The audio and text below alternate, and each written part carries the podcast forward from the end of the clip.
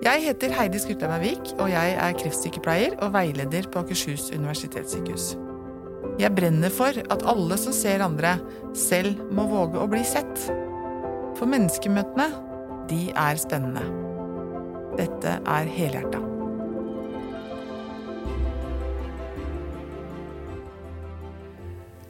I dag så skal vi snakke om eh, noe jeg overhodet ikke kan noen ting om. Eh, og det er jo kjempespennende. Eh, vi skal snakke om Da Vinci, faktisk. Og så skal vi snakke om, og det er jo en robot, så vi skal snakke om robotkirurgi. Så gjør det ikke så veldig mye at ikke jeg kan så mye om dette her, for jeg har jo en ekspert med meg i studio. Henrik Aamodt, velkommen hit til Helhjerta. Tusen takk. Du er hjerte-lungekirurg, thorakskirurg her på Ahus.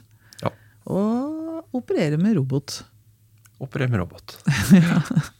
Ja, Fortell litt om det. Du, dere er tre stykker som uh, jobber med lunge, lungekirurgi.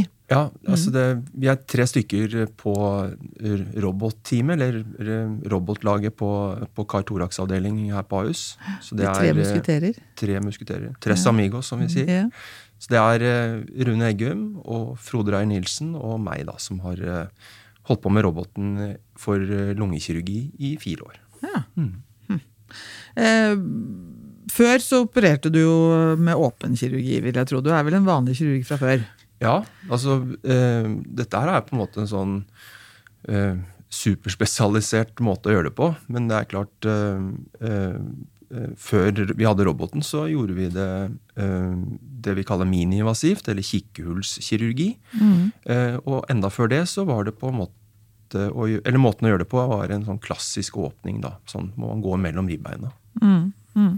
Har har man gjort, gjort dette her i Norge før dere begynte, eller? Ikke robotkirurgi Nei. for dette. Så der var, eh, der var vi først. I desember 2018 var første inngrepet. Og først, unntaket av én kollega i Finland, så var vi egentlig først i Norden -hmm. mm. Før vi begynner å snakke litt mer om hva du, dere gjør, så eh, det er jo Da Vinci ble kjøpt inn til Ahus i 2018, var det sånn? Det stemmer. Ja. Så det, eh, Ahus var det siste universitetssykehuset som fikk eh, robotsystemet. Ja. Eh, det er jo en oppfinnelse fra, fra 20 år tilbake, over 20 år tilbake, 25 år. Mm. og det var urologene eh, her hos oss som var pådriver for å få dette systemet i hus. Mm. Så Stig Müller, som er leder for urologene, han har vært en foregangsfigur her på Ahus. Ja, han har vært eh, utrolig viktig, og fremdeles er veldig viktig for, eh, for driften og planleggingen og strategien rundt hele robotprogrammet for alle spesialiteter. Ja. Eh, da Vinci er jo navnet på roboten, bare Ja. så vi har liksom stad, stadfesta det. Eh, den blir brukt til operasjoner for eh, lunge og Lunge, altså vi bruker den, vi på Car Thorax, altså for lungekirurgi og en del andre ting også i brystkassen. Og så er det urologene som på en måte har det store kvantumet da, med, med blærehals, altså prostata, og, og nyreoperasjoner. Eh, og så er det gynekologene som bruker det for å fjerne livmor, annet. Altså Ja. hysterektomi, som det heter. Ja. Og så er det våre kolleger på gastro som også bruker det for tarmreseksjoner. Og, så den, eh, den, den er i hyppig bruk, systemene vi har. ja, Den blir brukt hver dag, denne Ja. roboten. Ja. ja. Så vi, eh, vi har en eh, Leverandøren, altså Intuitive Surgery, de har jo statistikk på oppetid på systemet. Eh, og eh, vi har eh, en oppetid på over 90% Så 90% av tiden eh, i arbeidstiden så er den i bruk, rett og slett. Mm. Så det er veldig bra. Men eh, For vi har én sånn Vi har to. Vi har to, ja. Vi hadde en, og så fikk vi eh, et system nummer to. eh, Fordi eh, man så at med ett system det ble veldig fort fullt. Og man eh, så behovet for en til, så for to år siden så kom system nummer to. Så nå har vi to robotstuer. på Og begge, het, begge heter Da Vinci. Begge heter Da Vinci. Det, altså, du kan tenke deg at Da Vinci det er modellen, og så er produsenten, leverandøren, er Intuitive Surgery. da. Så jeg mener å huske at de i sin tid kalte den opp etter Leonardo, rett og slett. Altså Det skulle være på en måte sånn renessanse uh, multikunstner eh, mm. det, er, det er det, det som er koblingen. Mm. Nå, du, du, må jo fortelle hvordan funker, altså, hvordan funker dette? Er det, er det, ja, det Opererer du, eller er det opererer roboten, eller hva skjer? Nei, det, er en kirurg. Det er et menneske i enden. Det er det. Ja. Um, du kan si at uh, Vi var jo så vidt inne på dette med historien for uh, kirurgi. altså at man, man, begynte Det er jo da tilbake på altså 1912 var den første formelle operasjon for lungekreft gjort på menneske. En mm. britisk uh, kirurg som het Hugh Morrison Davis, som gjorde det. Uh, og det var på en måte måten å gjøre det på fra han gjorde det og frem til uh, eh, 80-tallet, hvor man begynte å se på dette med mini-invasiv kirurgi. Mm. Altså Istedenfor å åpne pasienten fullstendig og så se med det blotte øyet, så, så brukte man lange pinner med kamera og har lange instrumenter, og så lager man små hull og, og jobber gjennom det. Mm. Og det vi kaller skopi. Ja, det vi kaller for skopi, eller kikkehullskirurgi. da. Uh, og for lungekreft så ble det første gang gjort i 92. I hvert fall på den mer moderne måten uh, i, i, Italia. Mm. Milano. Roviario heter han kirurgen som gjorde det. Og så da i 2002, når robotutviklingen var kommet en god bit på vei, så var det enda en italiener fra, fra, mm, fra, fra Italia, selvfølgelig, da, Milano. Franca Melfi, som er professor der og fremdeles holder på, mm. som gjorde den første med roboten. Og Forskjellen på disse tre um, uh, inngrepene er, eller likheten er at det er en kirurg i enden som styrer og gjør alle beslutningene. Forskjellen er at uh, man har beveget seg litt lenger og lenger ut av pasienten. Men med roboten så føles det som man sitter inni pasienten allikevel. Yes. Så i systemet så ligger det opp mot 20 ganger forstørrelse. Man har 3D-syn, så det er tredimensjonalt. Mm. Og instrumentene er utviklet slik at uh, det er lange pinner, og på enden av disse pinnene så, så har man full håndleddsbevegelse. Så det er som å ha små hender inni pasienten. Det er jo fantastisk. Men hvordan, hvordan sitter du? Hva, hvordan ser det ut, liksom? Det ser ut som at, altså du kan tenke, Hvis vi går fra pasienten og til kirurgen, da, uh, så er det da instrumentene som er gjennom brystveggen for vår del, og gjennom mm. bukskinnet for uh, de andre spesialitetenes del. Ehm, og så er det montert i en, eh, en, eh, en slags bom hvor det henger ned fire robotarmer. Så man kobler instrumentene som er inni pasienten, til en robotarm. Mm -hmm. Og Så går det en ledning fra denne til det som på en måte er hjernen, som vi kaller for konsollen. Mm. Der er eh, på en måte alt som øh, styrer dette her, og det er øh, forskjellige svi-instrumenter som vi bruker underveis, som er mm. kobla til. Mm. Og så går det en ledning igjen til uh, det vi kaller for konsollen, eller kirurgkonsollen, hvor man sitter. og det det ser ut som en sånn, uh, sånn, arbeidsbenk, kan du tenke deg. Og så er det et okular, nærmest som en sånn du kan tenke deg en sånn gammeldags ubåt, hvor man på en måte titter inn i en slags kikkert. Mm. Og da har man tredimensjonalt syn inn i pasienten, og så har man Og da føler du at du sitter og ser inni ja, Inni ja, Du føler ikke at du ser inn, men du føler at du sitter på innsiden. Det er, det er veldig, veldig snål følelse i begynnelsen. Ja. Uh, og så har man to joysticks og en rekke pedaler som man styrer da alle instrumentene med. Det som er den store forskjellen på, på robot versus alle de andre, er at uh, man, har, man har jo med seg assistenter, men man styrer alt selv. Mm. Når man eh, opererer åpent eller med tradisjonell kikkehullskirurgi, så, så, er det to kirurger, og én holder og styrer kamera for hovedoperatøren. Men i robotkonsollen styrer man alle instrumentene, og man har en ekstra arm, som man assisterer seg selv. Eh, så det er litt sånn, liten sånn switch i hodet på at man står alene, på en måte. da, men, ja. men, Vi er jo alltid to, men, men det er en morsom måte å gjøre det på. Ja. Mm. Og da sitter du på en stol mens du gjør alt dette? Sitter på en god stol. Man kan ta av seg den sterile frakken og gummihansker og sånt, og sitter i, i de vanlige sånn, bomullsklær og sitter på en god stol. og Man kan gjøre alle mulige justeringer slik at den konsollen passer til den enkelte kirurg. Da. Det er jo helt sprøtt. Mm for oss som ikke har sett det sånn til daglig, så ja. høres det veldig sprøtt ut. Ja. Eh, men det betyr at det er, her er en fordel å ha gama litt, da, eller? ja, altså det, For nye kirurger som kommer? Ja, det, er, jo, det, er jo, det at uh, Det er jo et, det å uh, lære seg et håndverk det, uansett hva det er, om det er i medisin eller man skal være instrumentmaker, eller hva som helst, det handler jo om å på en måte ha en viss teoribakgrunn, og så må man lære seg eh, hvordan dette skal gjøres. Mm.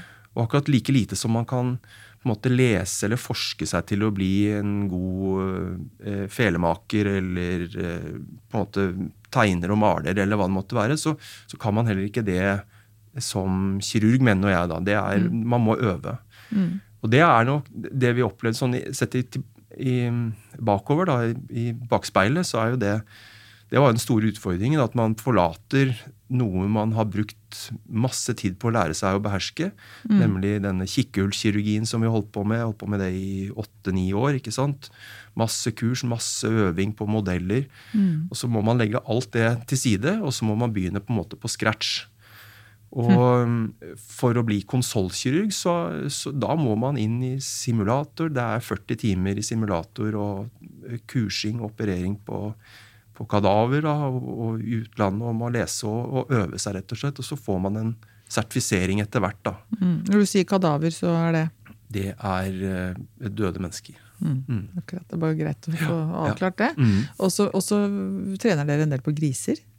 Ikke så mye nå lenger, heldigvis. Det, Grisen er jo eh, Man sier at hunden er best, menneskets beste venn, men grisen er kirurgens beste venn. Og det har jo vært en, en, en levende modell som man har brukt mye opp gjennom historien. Mm. Men grisen eh, Organstørrelsen er ganske lik, men brystkasse og, og, sånt hos gris er så forskjellig at eh, eh jeg har, har, liksom alltid tenkt at eh, for å øve sånne ting, så, er, så kan man like godt bruke det vi kaller tørrmodeller, altså pappesker eller okay. Eh, sånne ting. Så det er det man bruker nå. Ja. Mm, litt avanserte sånne, men eh, ikke noe levende dyr lenger på den, denne treningen her. Nei, mm. akkurat. Så grisen er ikke så lik oss som det vi trodde? Nei. Eh, og så er det Ja, nei. Det, ikke til dette formål så, så, så, er det nok ikke noe god modell. Nei. Mm. Hm. Eh, men eh, så er det sånn, du sitter jo da, når du er hovedoperatør, så sitter du da ved denne maskinen. Mm. Eller ved Da Vinci. Mm. Men eh, det står alltid en steril ved siden av pasienten? Var det noe sånt? Ja. Mm. Altså, det er sånn vi har valgt å gjøre det. Nå har Ahus statistisk et sted mellom 70 og 90 pasienter med lungekreft til operasjon i året. Mm. Eh, og det er ikke noe sånn kjempehøyt tall. Eh, totalt sett så ble det i fjor operert 790-ish eh, pasienter i, i, Norge for denne sykdommen. Så for at vi skulle kunne nyttiggjøre, nyttiggjøre oss erfaringen i størst mulig grad, mm. så valgte vi at vi alltid er to. Og det har jo, ser vi i ettertid, vært, gitt oss den nytten av at Ehm, når man står ved bordet og ikke er den som opererer, men er på en måte assistenten, så lærer man seg å håndtere alle instrumentene og robotarmene. Og hvis det er tekniske utfordringer, at man kan eh, mye lettere eh, gjøre noe med det. Mm. Og når man da siden sitter i konsollen som hovedoperatør, ja. så skjønner man kanskje mer hva som må løses ved bordet hvis det er konflikter mellom instrumentene, at de krasjer i hverandre og sånne ting. Så vi ser at det har vært nyttig. Mm. Er det mye komplikasjoner, eller? Blir det mye komplikasjoner? Nei, vi opplever heldigvis ikke det. Nei. Uh, vi har uh, 0,3 uh, 30 dagers mortalitet på snart 300 pasienter. Så det, det er veldig lite, heldigvis. Mm. Um, og så ser Vi på Vi fører jo nøye statistikk da, i vårt eget Thorax-register mm. uh, for å følge med på hva, hva, som skjer. Og vi ser at uh, fra vi gikk fra den tradisjonelle mini-invasive måten mm. til roboten, så har vi halvert uh, tiden på sengepost etterpå. Pasientene er fornøyde, oppe og rører på seg første dag etter operasjon. Sånn i gjennomsnitt. Er det mindre smerter òg? Ja, vi opplever det. Hva, hva, er grunnen til det? Er det at det er mindre skader rundt, vevet rundt selve operasjonsområdet? eller? Kan være, altså Det er mange mulige feilkilder. Det er jo alltid sånn at Når man innfører en ny metode, så, så, er det i seg selv en mulig feilkilde. Man blir utrolig sånn påpasselig med detaljene. Ja. Uh, og så kan det jo på en måte i anførselstegn skli ut litt etter hvert. Men vi har, mm. vi har en fast uh, måte å gjøre dette på. Det er det som heter ERAS, Enhanced Recovery uh, After Surgery, altså mm. som er en en protokoll da, for hvordan man skal få pasienter gjennom kirurgi på den best mulige måten. Uh, og sånne systemer finnes for alle spesialiteter, også for uh, lungekirurgi. Så det prøver vi å bruke i størst mulig grad. Og det betyr at vi bruker uh, massevis av lokalbedøvelse. De som er underernært, de skal kanskje føse opp litt før operasjon. Altså man gjør alt for å optimalisere mm. pasientene og få et best mulig resultat. Mm. Stilig. Mm. En annen ting som eh, er at du sier Det har jo ikke kommet tallene i Kreftregisteret, men for dere opererer jo kreftpasienter ja. også? Eh, lungekreftpasienter er eh, så sted mellom 70 og 90, som jeg sa da, i, i året for Ahus. Og så har vi jo mye annen kirurgi som vi driver med også, som ikke er kreft, men mm. som skal opereres allikevel. Så, så totalt sett så er det jo godt over 300 brystkasse-lungeinngrep som mm. Ahus gjør i året. Mm. mm. Eh, men forhold, så det ligger jo an til, sa du når jeg snakka med deg på forhånd, om at, mm. at, uh, at, det kan se ut til at det er bedre overlevelse etter disse operasjonene. Ja, altså, Men det har man jo ikke de ordentlige altså, tallene på ennå. Når man måler overlevelse etter kreftbehandling, så er det jo en mye brukt uh, parameter eller måleenhet, det er jo femårsoverlevelse. Mm.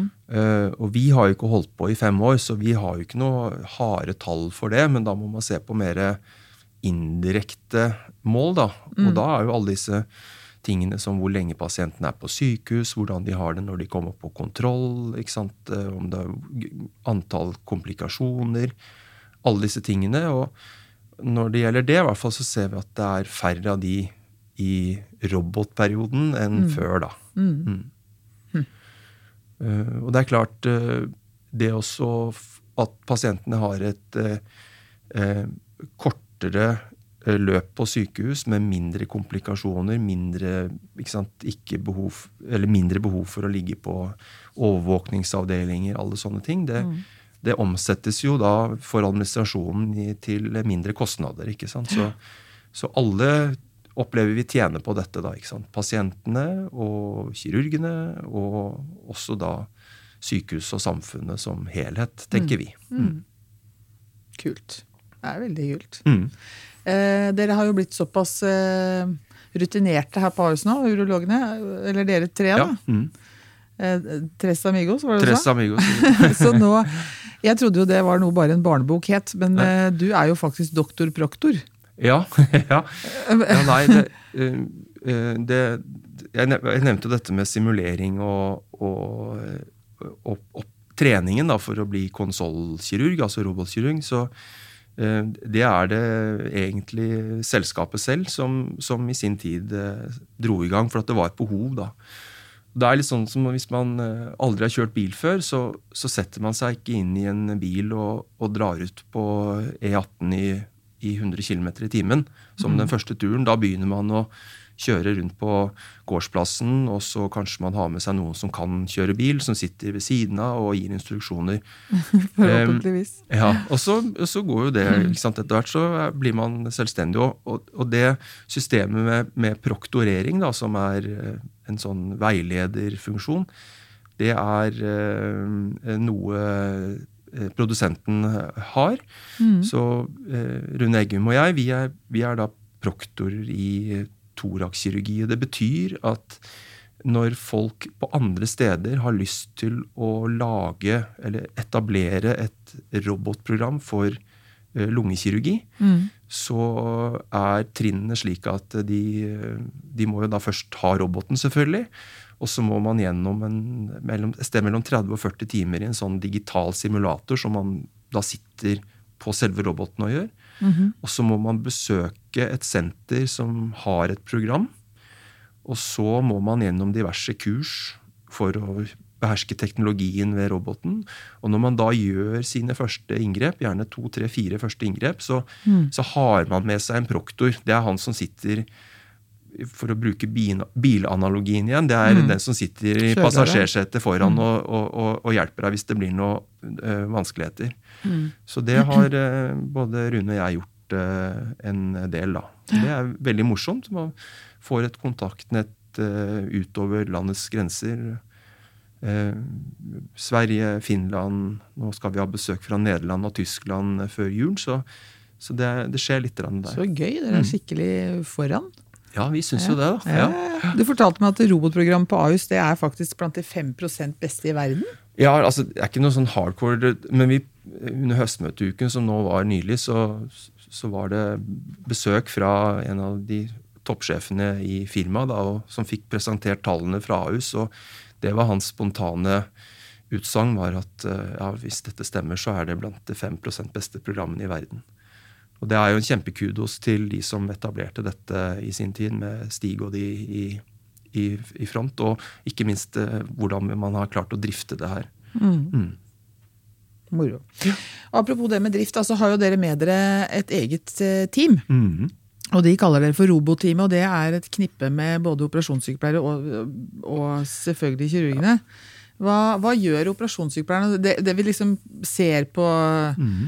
Grace Anatomy, og altså, ja. vi som aldri er inne i operasjonsstuer vanligvis, vi ja. ser liksom for oss at sykepleierne og operasjonssykepleierne liksom står til, mm. og gir dere ting og passer på at alt utstyret er på plass og i orden og sånn.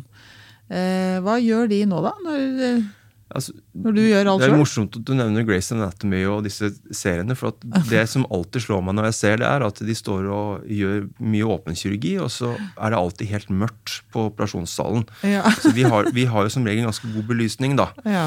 Eh, nei, og så er det jo, til motsetning på mange sånne serier, så, hvor man har på en måte kirurger med et stort ego som kjefter og smeller, og sånt, og så er jo dette her team, eh, teamdrevet. Så dette her, dette her, går jo ikke uten at man har eh, på en måte folk som kan tingene sine i alle ledd. Ja. Um, så det er uh, Som jeg sier vi, så er ikke det bare Rune og Frode og meg, men det er alle sammen på stuen. Det er uh, operasjonssykepleierne. Uh, de har også egen kursing og, og sertifisering mm. til å være operasjonssykepleier på robotstuen. Mm. Eh, vi har med oss anestesileger. Eh, innimellom så får vi hjelp av lungelegene på stua. Det er eh, Så alle, alle rundt hele, altså alle rundt roboten er på en måte med i dette laget og har treningen som skal til. da. I PAU så har de jo også etablert et eget operasjonssøster eller operasjonssykepleierkurs for kursing i robot. som Da kommer folk fra hele landet, og også utlandet, for å, for å få sertifisering som operasjonssykepleier da, på robot. Ja. Mm. Men hva, hva, gjør de da, liksom? De eh, Kanskje eh, Når det gjelder oss, så er jo vi eh, alltid en ved bordet, men for de andre spesialitetene så er det jo ofte ikke det. Da er eh, urologene f.eks. Da er det ofte kun kirurgene i konsollen. Og så får jo da operasjonssykepleieren uh, hele ansvaret, ikke bare med å holde orden på instrumentene på instrumentbordet, men også sette inn og ut og skifte og, og, og ha kontroll på armene. Mm. Den uh, jobben som når vi opererer, vi deler med operasjonssykepleierne. Mm. Akkurat. Så de må skifte ja, er, verktøyene på armene. Kan ikke bruke eh, saks Samme. hele veien. vet du. Det er Godt verktøy i halve jobben, sier jo mm. snekkerne, og det, det, er, det er, noe i det, altså. Mm. Mm. Spennende. Er det mange som kommer og ser på dere? Hospiterer og står bare og ser på dere? Ja, vi, jeg, jeg syns vi har mye besøk. Og det er jo i tillegg til disse som kommer fra fjern og nær som skal lage programmene sine, så har vi jo kolleger fra andre sykehus som har lyst til å komme og se mm. hva dette her er fra, for noe. Mm. Og um, så, så, så, lenge det ikke er Så lenge det er plass, så er vi egentlig ganske rundhåndet og sier at det, det er greit. Mm. mm. Så det, det er bevares. Det er jo mange, mange tirsdager i november også, holdt jeg på å si. Det er jo mange dager hvor det ikke er noe også, hvor det på en måte bare er vanlig drift. da. Mm. Mm. Akkurat. Hva slags sykdommer opererer dere? Ja, det, Hovedmengden er jo da det altså Vi skiller mellom godartede og ondartede sykdommer. Mm. Altså De ondartede, altså kreftsykdommer i lungen, det er jo det vi gjør mest av. Da eh, er det slik at eh, i, i, lungene våre er delt i Eh, vi, vi, har to lunger, en på høyre en på venstre side. og På høyre side så har lungen tre lapper, og på venstre side så har lungen to lapper. Mm. Um, og når vi snakker om uh, svulster, så sitter lungesvulstene sitter jo i selve lungevevet, da. Uh, og statistikken i Norge forteller oss at uh, det er om lag 85% som enten er røykere eller har røykt. Det vil si at det er 15% som aldri har røykt, men som allikevel får denne sykdommen. Mm. Får det en annen type lungekreft da, eller? Ja, det, det, de, de, kalles jo det samme. Man deler liksom i, i to hovedtyper. da. Eh, Plateepitelkarsinom og adenokarsinom. Det har litt mm. å gjøre med hvilke typer celler det uh, har sitt mm. utspring fra. Uh, men de ikke-røykerne, eller aldri-røykerne, de, de, får jo de, de samme krefttypene. Ja. Så det forteller oss at det er andre ting da i miljøet som, som også kan forårsake denne sykdommen. Mm. Eh, det fins jo gasser som radon og enkelte yrker som er mer utsatt enn andre for å få denne sykdommen. Og så er det jo litt uflaks og, og sånne ting også oppi dette. Mm.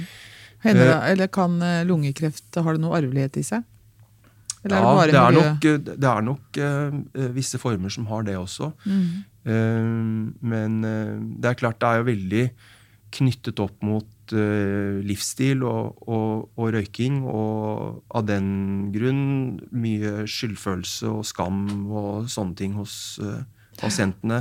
Ja. Mange sier det jo rett ut, at dette er min egen skyld og mm. sånn. Og da må man jo på en måte bare prøve å dempe den reaksjonen og så si at nå skal vi gjøre det vi kan, og det vi kan, mm. er å ta det vekk da. ikke sant? Mm. Mm. Nei, så det er tilbake til det vi snakket om. Det er jo mm. tre lapper på høyre, to på venstre. Og standardoperasjonen er jo da å ta ut hele den lappen hvor svulsten sitter. såkalt lobektomi. Lob er jo da en lapp. Mm. Og så må man ta ut tilhørende lymfeknuter. Eller lymfekjertler. Og lymfeknuter er en del av immunforsvaret vårt. Og eh, lymfebanene begynner blindt ute i vevet og, og tar med seg det være seg eh, eh, Alle har kanskje hatt flis i fingeren, og så får man en sånn hoven kjertel i, mm. i, i armhulen. Mm. Det er jo da lymfebanene som blir røde på armen, og så får man en reaksjon i lymfeknuten. Det er immunforsvaret som aktiverer seg mot infeksjonen. Mm. Noe av den samme reaksjonen ser man også ved, ved kreft. og eh, Det er også en spredningsvei for kreft. Så når vi tar ut lymfeknutene i forbindelse med operasjon, så er det for å se etter om det er kreftceller også i lymfeknuten. Altså at det er et uttrykk for spredning. Mm. For det forteller oss noe om pasienten skal ha tilleggsbehandling etter operasjonen eller ikke. Ja. Mm. Så det er litt sånn vaktpostlymfe? Ja, litt, det, det, litt, litt det samme som, bryst, som for brystkreft. Mm. Og det er klart, når dette med vaktpostlymfeknuter eh, kom og ble på en måte rutine og etablert som god medisinsk praksis for den pasientgruppen, så så man jo på det hos lungekreftpasientene også. Men der var det ikke i like stor grad uh, treff. Altså, de europeiske anbefalingene er at man er eh, inne og høster eh, så mange lymfestasjoner som man kan. Mm. Og, og, minimum tre, da, som vi sier, fra, mm. fra det som heter mediastene, som er området mellom de to lungene, der hvor mm. hjertet ligger. Mm. Fettputer der. Men bare, eh, når man fjerner eh, lymfeknuter for en brystkreftpasient, så, så, står man jo i fare for å få lymfødem i armen mm. på den siden. Hva slags, hva slags bivirkning får man av å å fjerne lymfeknuter i mediastinum? Eh, på lang sikt så har jeg ikke vært med på at det har vært noe problem. Eh, på kort sikt så er det veldig få antall pasienter som kan få lekkasje av lymfevæske ut. Mm. Uh, men det løser man som regel enten med, med en, et dren, som det heter, altså en slange som suger ut den væsken, eller i noen få tilfeller så må man reoperere det. Men det er så sjelden at det er ikke årlig engang. Så, men det er bare noe man skal være klar over. Det, men det med lymfødem og sånt nå, det, det, er ikke noe problem for oss. Nei, nei. Så det, det, var lobektomi. Da mm -hmm. fjerner du hele lappen. hele lappen. Og så er det det som er morsomt, er at uh, nå kom det en stor uh, studie fra, fra Amerika. Uh, som ble presentert på en sånn svær lungekreftkongress som er årlig, som var i Wien i år. Mm. Og der viser de da at for svulster som er inntil to centimeter, så er det bedre å bare ta en del av lappen, ikke hele lappen. Mhm. Såkalt segmentektomi, da. Altså man tar et segment av en lapp, ikke hele lappen. Ja. Da sparer man jo lungevev, og dette er jo ofte pasienter som har redusert lungefunksjon i utgangspunktet. Ja. Um, og så viser det seg da i det, denne studien at uh, segmentektomi for disse pasientene som har disse små svulstene, der er resultatene både på kort og litt lengre sikt bedre enn hvis man tar hele lappen. Ok, Så det er ikke noe større fare for De kan ikke vise, residiv, eller at de får tilbake kreftsykdom? de kan ikke vise det, men Nei. de viser eh, fordeler, da. Så, og det er klart, eh, det er jo fristende, og det har vi jo gjort eh, før også. eh, Såkalte segmentektomier, eller hvor man tar bort en del av en lapp. Um, Men eh, vi opplever at i roboten så er det mye lettere å gjøre. Mm. For der har vi, vi har muligheter til å sette sånn spontanfarving av vevet, og man ser godt, og man får gjort en bra disseksjon. Mm. Slik at eh, det å ta ut en del av en lapp, som er en teknisk øvelse, det er lettere i roboten enn eh, med kikkehull eller enn si åpent. da. Mm. Opplever For når dere setter inn den fargen, så gjør det at det er lettere å, å få til frie renner, liksom? Altså, Ja, altså det, det er sånt eh, Det er et ganske morsomt system. Det er, eh, det er et stoff som heter Verdai, eller indocyaningrønt, som man kan sette uh, intravenøst, altså i blodåren. mm. Og så har roboten innebygget i seg at man kan gå fra det som heter vanlig lys, altså bølgelengdemessig, til noe som heter nærinfrarødt lys. Og da blir bildet litt sånn gråaktig. Men når man setter denne farven, så, eh, så vil vev som er sirkulert, altså som har blodforsyning inn og ut, det lyser sånn eh, nesten fluoreserende grønt. Så det betyr at hvis vi eh, skal ta ut en del av en lapp, og vi skal um, uh, finne ut hvor vi skal dele den lappen, for det er ikke gitt eh, bare sånn ved å se på det, Nei. Så stenger vi av blodforsyningen, og så gir vi denne farven intravenøst og så med, med denne nærinfrarøde lysbølgefrekvensen. Og da kommer det opp et sånt helt klart skille mellom hva som er sirkulert og ikke sirkulert. Og det er nesten sånn cut along the dotted line, som det står i sånne annonser. Altså Ja. der, der, er det bare, der skal sånn du dele, dele den lappen. Mm. Ja. Mm. Fordelen er jo at man får med seg alt det vevet som skal ut. Det er ikke noe som blir sittende igjen som da ikke er sirkulert, som på en måte kan råtne på rot og gi problemer. Mm. Um, og så er det jo uh, morsomt. Det er kul teknologi at det går mm. an, liksom. Ja. Så det bruker vi mer og mer. Ja. Mm. Ja, Så da er det segmentektomi, og så var det lobektomi, og så var det en til. Eh, Ja, det er jo eh, hvis, øh, Det er litt sånn godt av moten, men da tar man jo hele lungen, da. ikke sant? Det er, jo, det er jo noe man gjør ugjerne, og skal man kanskje ikke gjøre. Hvis svulstsykdommen er så, så avansert at man må ta bort he, lungen på he, en hel lunge på den hele siden, ene siden, Mm. da er ulempene ved å bare ha én lunge de er så store at, at det, Da skal man tenke seg grundig om, hvert fall. Det er Mm. kanskje forbeholdt yngre pasienter. eh, eh, alt annet er på en måte på stell Redd. helsemessig. Mm. Eh, det er en he helt annen eh, eh, Greie. lø- greie etterpå, ja. ja. Mm. Så det, det, det gjør vi mindre og mindre av. Mm. Jeg kan nesten ikke huske sist vi gjorde det. Mm. Fordelen med roboten er jo at den tillater oss også å få ut eh, svulster hos pasienter hvor man tidligere ville ha fjernet hele lappen eller hele lungen. Mm. Så kan man kanskje komme seg unna med en, en lapp eller en mindre reseksjon. Så det er et eksempel på at pasienter som man tidligere tenkte kanskje ikke var operable, eller som var teknisk vanskeligere, Mm. vanskelige, blir lettere eh, med den nye teknologien. Da. Ja. Det er iallfall sånn vi opplever det. Mm.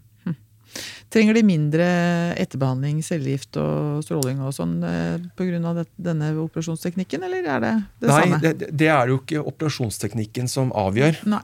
Eh, alle kreftsykdommer eh, i utredning de bruker dette såkalte TNM-systemet, som er Verdens helseorganisasjon, og som har vært brukt siden 50-tallet. Mm. Det er en måte å kartlegge kreftsykdoms utbredelse på. Og Da ser man på T, som er tumor, altså svulsten, selve svulsten. Hvor stor er den, og hvor sitter den? Ja. Og så ser man på det som heter N, som er noduli, altså lymfeknuter. Er det noen lymfeknuter som er påvirket eller ikke, altså som har spredning til lymfeknuter eller ikke? Og så ser man på det som heter M. Mm. Metastaser, altså er det spredning av sykdommen utenfor brysthulen eller til andre sides lunge. Og eh, det som styrer om pasientene for det første skal, er operable eller ikke, det vil være en sånn TNM-vurdering, altså stadiet til eh, kreften. Og så vil det være i ettertid TNM-stadium som styrer om de skal ha um, etterbehandling eller ikke med cellegift eller stråling. Mm. Uh, og det er klart, uh, når, Dette her er jo ikke vist i noen studier, og sånt, men jeg tror jo på det. da, at uh, Hvis man gjør en ordentlig operasjon med Eller alle operasjoner er jo ordentlige i Norge, men hvis man er nøye med å høste ut lymfeknuter fra nok steder, ja. så får man en, et mer presist stadium for pasienten. og kan eh, på en måte komme med en tryggere anbefaling i forhold til etterbehandling eller ikke. Så vår, vår, eh, vårt bidrag til pasientens eh, etterbehandling er jo å høste disse lymfeknutene fra, de, fra nok steder, rett og slett, slik at man har et godt nok svar å, å basere den videre behandlingen på. Mm. Mm. Eh, jeg var nylig på landskonferansen for lungesykepleiere. Jeg hadde et innlegg der. Og da, da han som snakka før meg, han snakka om eh, transplantasjoner. Ja. Eh, og alt rundt det. Mm. Det var veldig spennende å høre på det, forresten. Mm. Eh, det er ca. 30 pasienter i året som får, bli, får transplantert en lunge. Mm. Eh, kan man bruke da Vinci i forbindelse med disse operasjonene, eller er det bare kikkhullsoperasjoner dere bruker det til? Eh, transplantasjoner, da skal du ha inn en hel lunge. Ja. Så da, da må man, du man kan uansett ikke bruke det, nei, det på åpen kirurgi, liksom? Så armene? Eh, eh, nei, jo, altså man kan sikkert det, men da, da vil man operere åpent. Ja. Eh, så det eh, eh, Transplantasjoner, så skal man jo for det første så skal man jo ha ut en lunge, og så skal man putte inn en lunge uten å skade den. Den lungen man skal ha ut, den kan man jo herje litt med, for å si det litt sånn flåsete. Mm. Men det som skal inn, er jo på en måte det dyrebare som uh, ja. er enda Så der, der, må man ha real åpning for å få til. Så det, uh, roboten er ikke for den type kirurgi. Da bruker man hendene. Nei, da bruker man uh, klassisk åpen kirurgi. Mm. Det ble mye teknisk, dette her, Henrik, ja. men det her er jo teknisk. Ja. Når vi snakker om robotkirurgi. Mm. Eh, men det er jo de dere gjør robotkirurgien på. Mm. Det er mennesker. Ja. Og så er jo dette her en podkast om mennesker og menneskemøter. Så vi må snakke bitte litt om det òg. Vi snakker mye om det. ja. Eh, du fortalte meg eh, tidligere at du er opptatt av å ha forebyggende samtaler med pasientene. Ja, eller altså vi, vi, Og at du også ringer i etterkant ja, til altså, pårørende. Um, um, dette her er jo um, eh, kirurgi som selv om vi har all denne teknologien og, og sånt noe, så, så, er det jo Den gjennomsnittspasienten hos oss er jo så vidt 70 år og har også andre sykdommer, så de er jo skjøre. Mm. Så alt dette jeg snakket om, liksom, denne enhanced recovery og smertestillende og, og få, liksom få de på beina igjen det, eh, Selv om vi gjør det, så er det jo ikke alltid det går sånn som vi ønsker. Mm. Og da jeg var i spesialisering, så, så, var jeg både på Ullevål, mest på Ullevål, men også på Rikshospitalet. og lærte der av de som holdt på med barnehjertekirurgi, altså de som opererer mm. eh, eh, små babyer med medfødte misdannelser i hjertet at uh, her så ringer vi alltid pårørende, hos dem da selvfølgelig foreldrene, straks mm. vi er ferdig. Mm. Um, og så jo på en måte hvordan uh, det hvor godt det fungerte. Mm. Og selvfølgelig også snakker fryktelig godt med pasient og pårørende før inngrep. Mm. Vi gjør det når vi tar imot de voksne pasientene våre. Uh, og så tok jeg og en kollega med oss liksom den at vi, vi ringer pårørende. Vi spør i hvert fall pasienten om det er noen du vil jeg skal ringe når vi er ferdig. Ofte så går det litt tid eh, fra Før pasienten er ferdig sånn. og til jeg våkner. Og, det og så har man jo vært pårørende selv og, og vet hvor eh, spent man er når man sitter og venter på den måten. Mm. Og det også, for det første, helst snakke med både pasient og nærmeste pårørende før operasjonen. Og på en måte si at ja, det, som regel så går det sånn. Dette kan skje. Det verste som kan skje, er at uh, dette ikke går, at du dør. Du, eh, før du fortsetter nå, Mm. må man fortelle hvor ille det verste som kan skje? Må, Nei, bør man man må- det alltid? Nei, Altså, må, det, det må man se det kan jo skremme vannet vann av noen. Ja, Ja. og man må se an pasientene, og, og det er jo på mange måter litt dårlig gjort. for at dette her er en bru pasienten er nødt til å krysse. Mm. Eh, og hvis du skremmer vettet av de, så, så er det på en måte dårlig gjort. Men så prøver liksom å se an pasientene, og da, da mener jeg ikke sånn i forhold til eh, om de er oppegående eller ikke. liksom. Det, du må se an på en måte hvor du tror hva pasienten tåler de? tåler. ikke sant? Ja. Og der er folk forskjellige, altså. Men uh, jeg, jeg nevner nå alltid dette med at det kan være at ikke sant, gjennomsnittet er at du ligger fire dager på sykehus. Men noen pasienter ligger da lenger, og noen ligger kortere. Mm. Og så ikke sant, at de kan få infeksjoner og lungebetennelse, og vi gjør alt vi kan for å unngå det. Så vi må på Ja. måte gi informasjonen, men samtidig må man fylle på med et eller annet som trygger de, Ja. slik at de opplever at, eh, at, eh, at de ikke på en måte blir eh, bare hengt ut i tørk. holdt jeg på å si. Altså, Ja, at man må trygge de, altså. Ja. Det du sier nå, egentlig, er, det er det der med hvor viktig det er å, å gi ordentlig informasjon. Men når vi, når vi dytter dem utfor stupet, så får vi gi dem et tau som de kan eh, henge i, Yes. liksom. Altså, de har noe å redde Ja. seg opp med. Ja. Ja. Ellers så eh, eh, Men poenget med å komme med denne forsiktige informasjonen, og helst også til pårørende, er jo at og, og dette med å ringe etterpå, er at man åpner dialogen med pasienten og pårørende. Så i de mm, veldig bank i bordet, veldig få tilfellene hvor ting ikke går som planlagt, så har man en kommunikasjonskanal til familie eller pårørende hvor man kan på en måte ta den informasjonen, og, og så blir det ikke sånn at du første gangen du møter de, er når ting har gått gærent. Du har snakket med de før. Mm. Du har fått en relasjon. Ja, rett og slett. Eh, og så er jo det også, å ringe til pasienter når, eller pårørende når det har gått bra. Ja. Det er jo så hyggelig. Eh, det folk, du hører jo liksom at eh, den møllesteinen løftes av halsen, og noen av dem blir jo så lettet at de, altså, de begynner å gråte. og, og er, er, de, kan, altså, de er ikke mottagelige for hva som har skjedd, og hvordan de, altså, men de bare hører det at det har gått bra. Mm. Det er så hyggelig. Så det, eh, for de som ikke gjør det, så anbefales det. For at det er på en måte det er icing on the cake når man har vært operatør, og, og glede folk på den måten. Da. Ja, det skjønner jeg. Men når du sier til pasient og pårørende på en forebyggende samtale, eller en sånn For- forberedende forberedende samtale, at uh, det er en uh, vi skal bruke robotkirurgi på deg. Mm. Så vil jeg jo tro da Jeg hadde jo tenkt at da er det en robot som skal eh, se for meg en sånn der, litt sånn Star Wars-opplegg, som skal operere meg. At du er som operatør er veldig distansert og egentlig ikke til stede, nesten. Ja. Eh, hvordan reagerer de når du sier at dere skal bruke den teknologien? ja, de reagerer jo akkurat sånn som du sier. Ja. At eh, ja, Trykker du på en knapp og går og drikker kaffe, da, liksom, og så ler de litt nervøst. Ja. Og så, så må man egentlig bare si til de at eh, nei, vi, tvert imot. Vi er, vi er på en måte nærmere enn noensinne, for vi ser så godt. Og det står alltid en kirurg ved bordet, når vi opererer, i hvert fall, på brysthulen.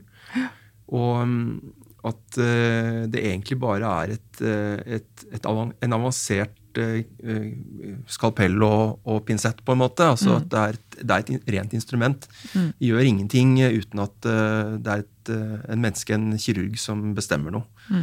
Så det er en forlengelse av kirurgens armer. Det er ikke noe mer enn det. Ja. Er det sånn at de gjerne vil se, se roboten først, eller? Er det I, sånn altså, de, får jo, liksom? de får jo uansett se den eh, når de kommer inn på operasjonsstuen. Så er de jo våkne når de kommer inn, og, og så blir de lagt i narkose. da. Ja. Uh, men det, det er ikke mange som vil opp og se Jeg har aldri fått det spørsmålet om kan jeg komme opp og se på roboten før operasjonen. Nei. Eh, jeg tror nok eh, de aller fleste har mer enn nok å tenke på på andre ting Ja. enn det rent tekniske. Ja. men så, så, sier vi det at det, det er full, full menneskelig kontroll mm. på dette. og etter hvert så Det er klart, er man førstemann, så må man jo være klar over at Fortelle dem at du, du, er jo nummer én. Mm. Men nå har vi jo snart 300 pasienter bare for vår virksomhet på Cartorax. Ja. Uh, slik at uh, vi kan jo med litt større grad av sikkerhet si at dette, dette vi får det til uh, på en fin måte. Mm. Um, du sa tidligere at det er ganske lite komplikasjoner mm. i forhold til tidligere. Mm. Er det fordi at de armene er mye mer At dere kan være mye mer presise, eller er det det at dere det er lettere å ikke, ikke, være borti blodårer? Eller ja. hva, er årsaken til det? liksom? Nei, altså, eh, eh, Det kan være flere ting. Det, det, er som jeg sa tidligere, at eh, når man innfører en ny metode, så blir man litt sånn, sånn ekstremt påpasselig med detaljer. Mm. Det, det, er en, på en måte feilkilde, da. ikke sant? Mm. At det an, så er det det tekniske. at Vi opplever at vi ser veldig mye bedre. Man får um, gjort det man skal på en trygg eh, måte. Mm. Og så Lettere å holde oversikten i, ja, i brystkassa? Liksom. Ja, man, fordi at sant, man kan gå, zoome inn og ut, snu seg og se i alle krinkler og kroker og følge med. Og så er det, så lenge man følger på en måte, måten å gjøre det på, så at man har instrumentene i, i, bildet hele tiden, og en del sånne ting, så, så er det, opplever vi tryggere. Mm. Og det må jo være betryggende for dem å høre. Ja. Mm. Vi har hatt kolleger på, på, på besøk som, som, ikke var helt overbevist, men som etter en dag eller to på robotstua sier at ja, fader, hvis jeg skal opereres, da skal det være med robot. Mm. Ja. Så det, det, er Og det, det, er klart som Jeg sier ofte det til pasientene, at uh, ikke bare nødvendigvis med dette, men hvis man skal komme med en anbefaling, så sier jeg ofte at altså, var jeg deg? Hadde det vært meg, så hadde jeg gjort det på den måten. og det det er på en måte den sterkeste anbefalingen man kan komme med mm. fra vårt ståsted. At mm. uh, hadde det vært meg eller mine, så hadde jeg valgt det. Mm. Uh, Bra. Mm. Hm.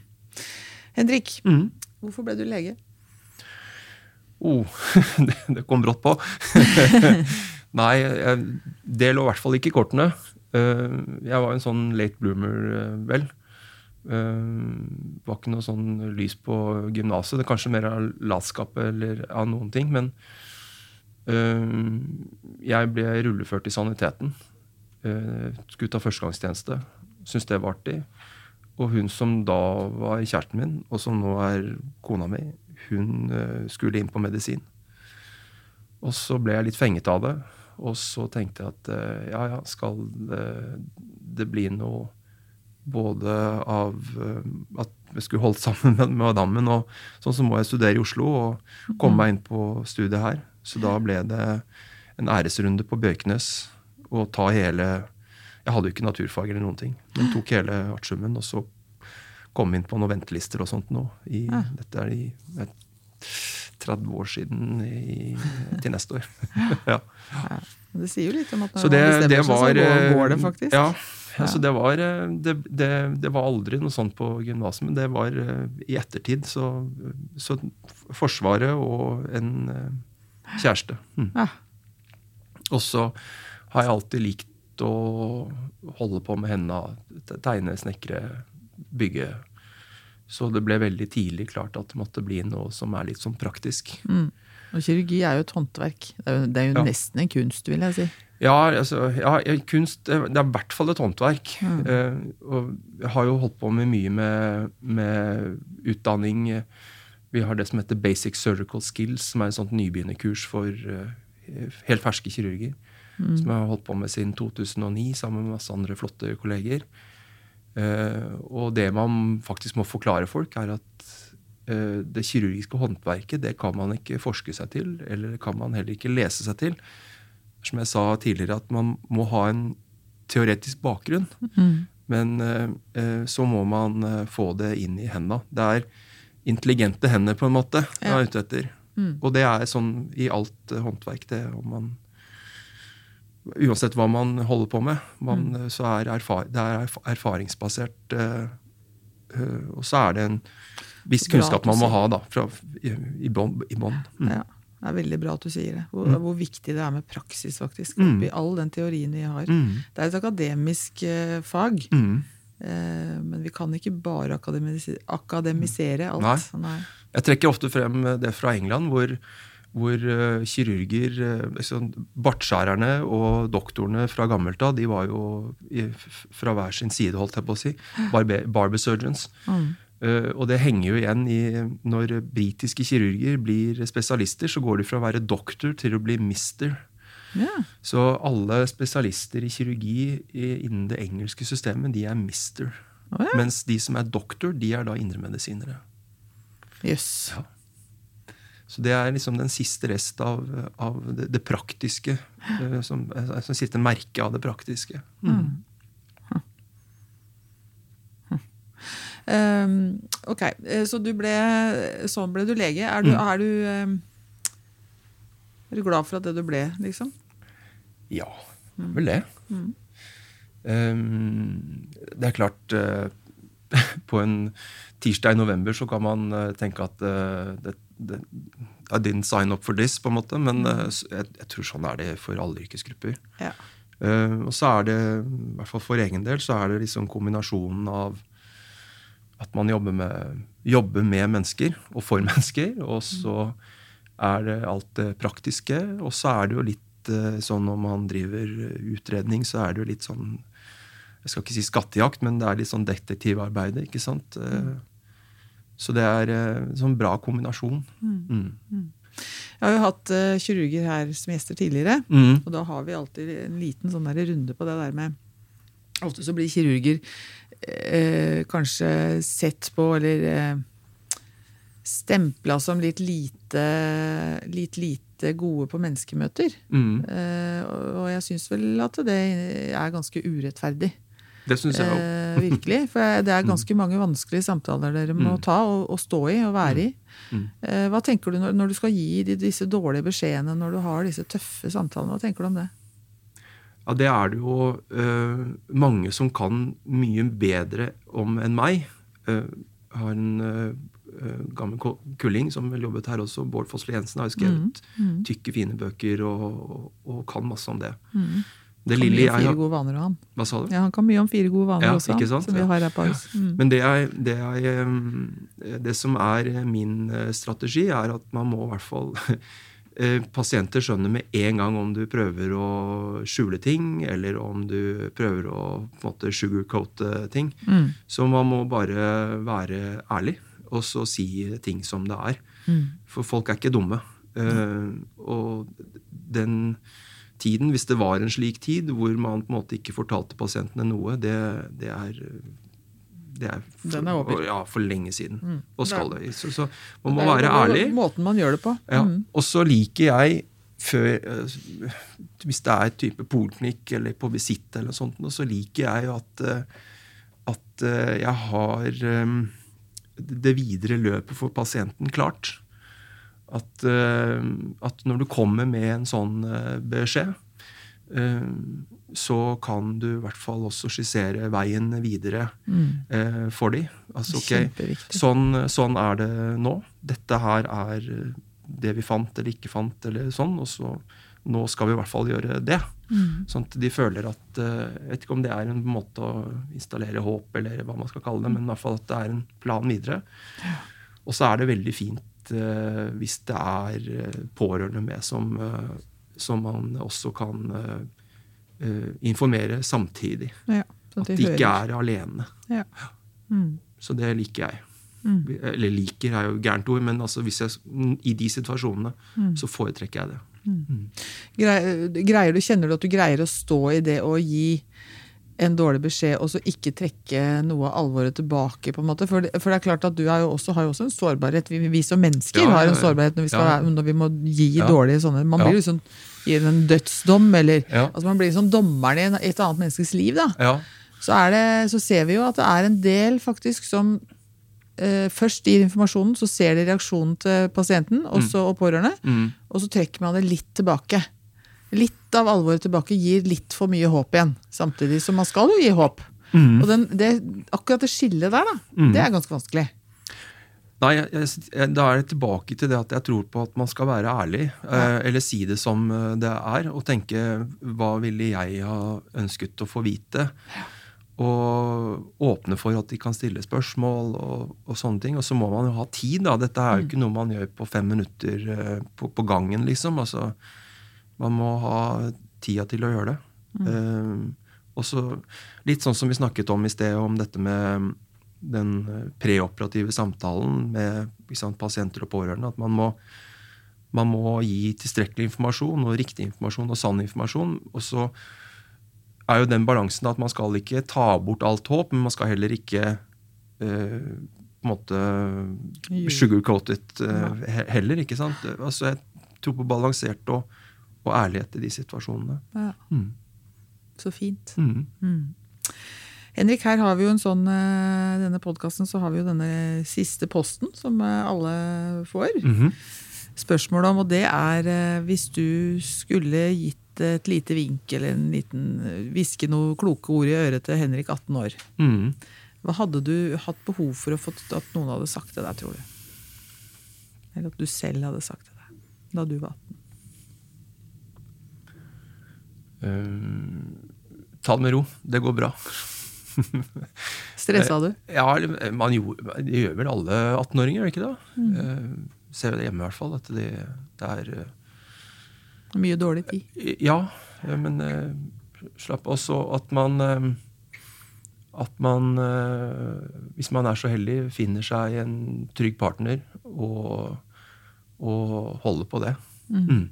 Det tror jeg er det viktigste. Mm. Så hva man gjør, det får man bestemme sjøl, altså. Mm. Jeg er, ikke så, jeg er ikke så breial at jeg skal gi folk karriereråd og si at det, du burde gjøre sånn og sånn. Det, mm det, det må man finne ut selv. Mm. Når man er 18, så er man så, Og i dagens skoleverk så må man jo velge det mye tidligere også, nesten. Men, eh, men, eh, at man har eh, bra homebase, det tror jeg er viktig. Syns jeg var veldig kloke ord. Takk. Nå må du hilse de Tres Amigos. Ja, skal gjøre det. Eller Dos Amigos, som ikke er her. Også Da Vinci. Mm. Og så må dere ha masse, masse lykke til. Tusen takk. Tusen takk for at du kom hit, Henrik. Tusen takk for at jeg fikk komme.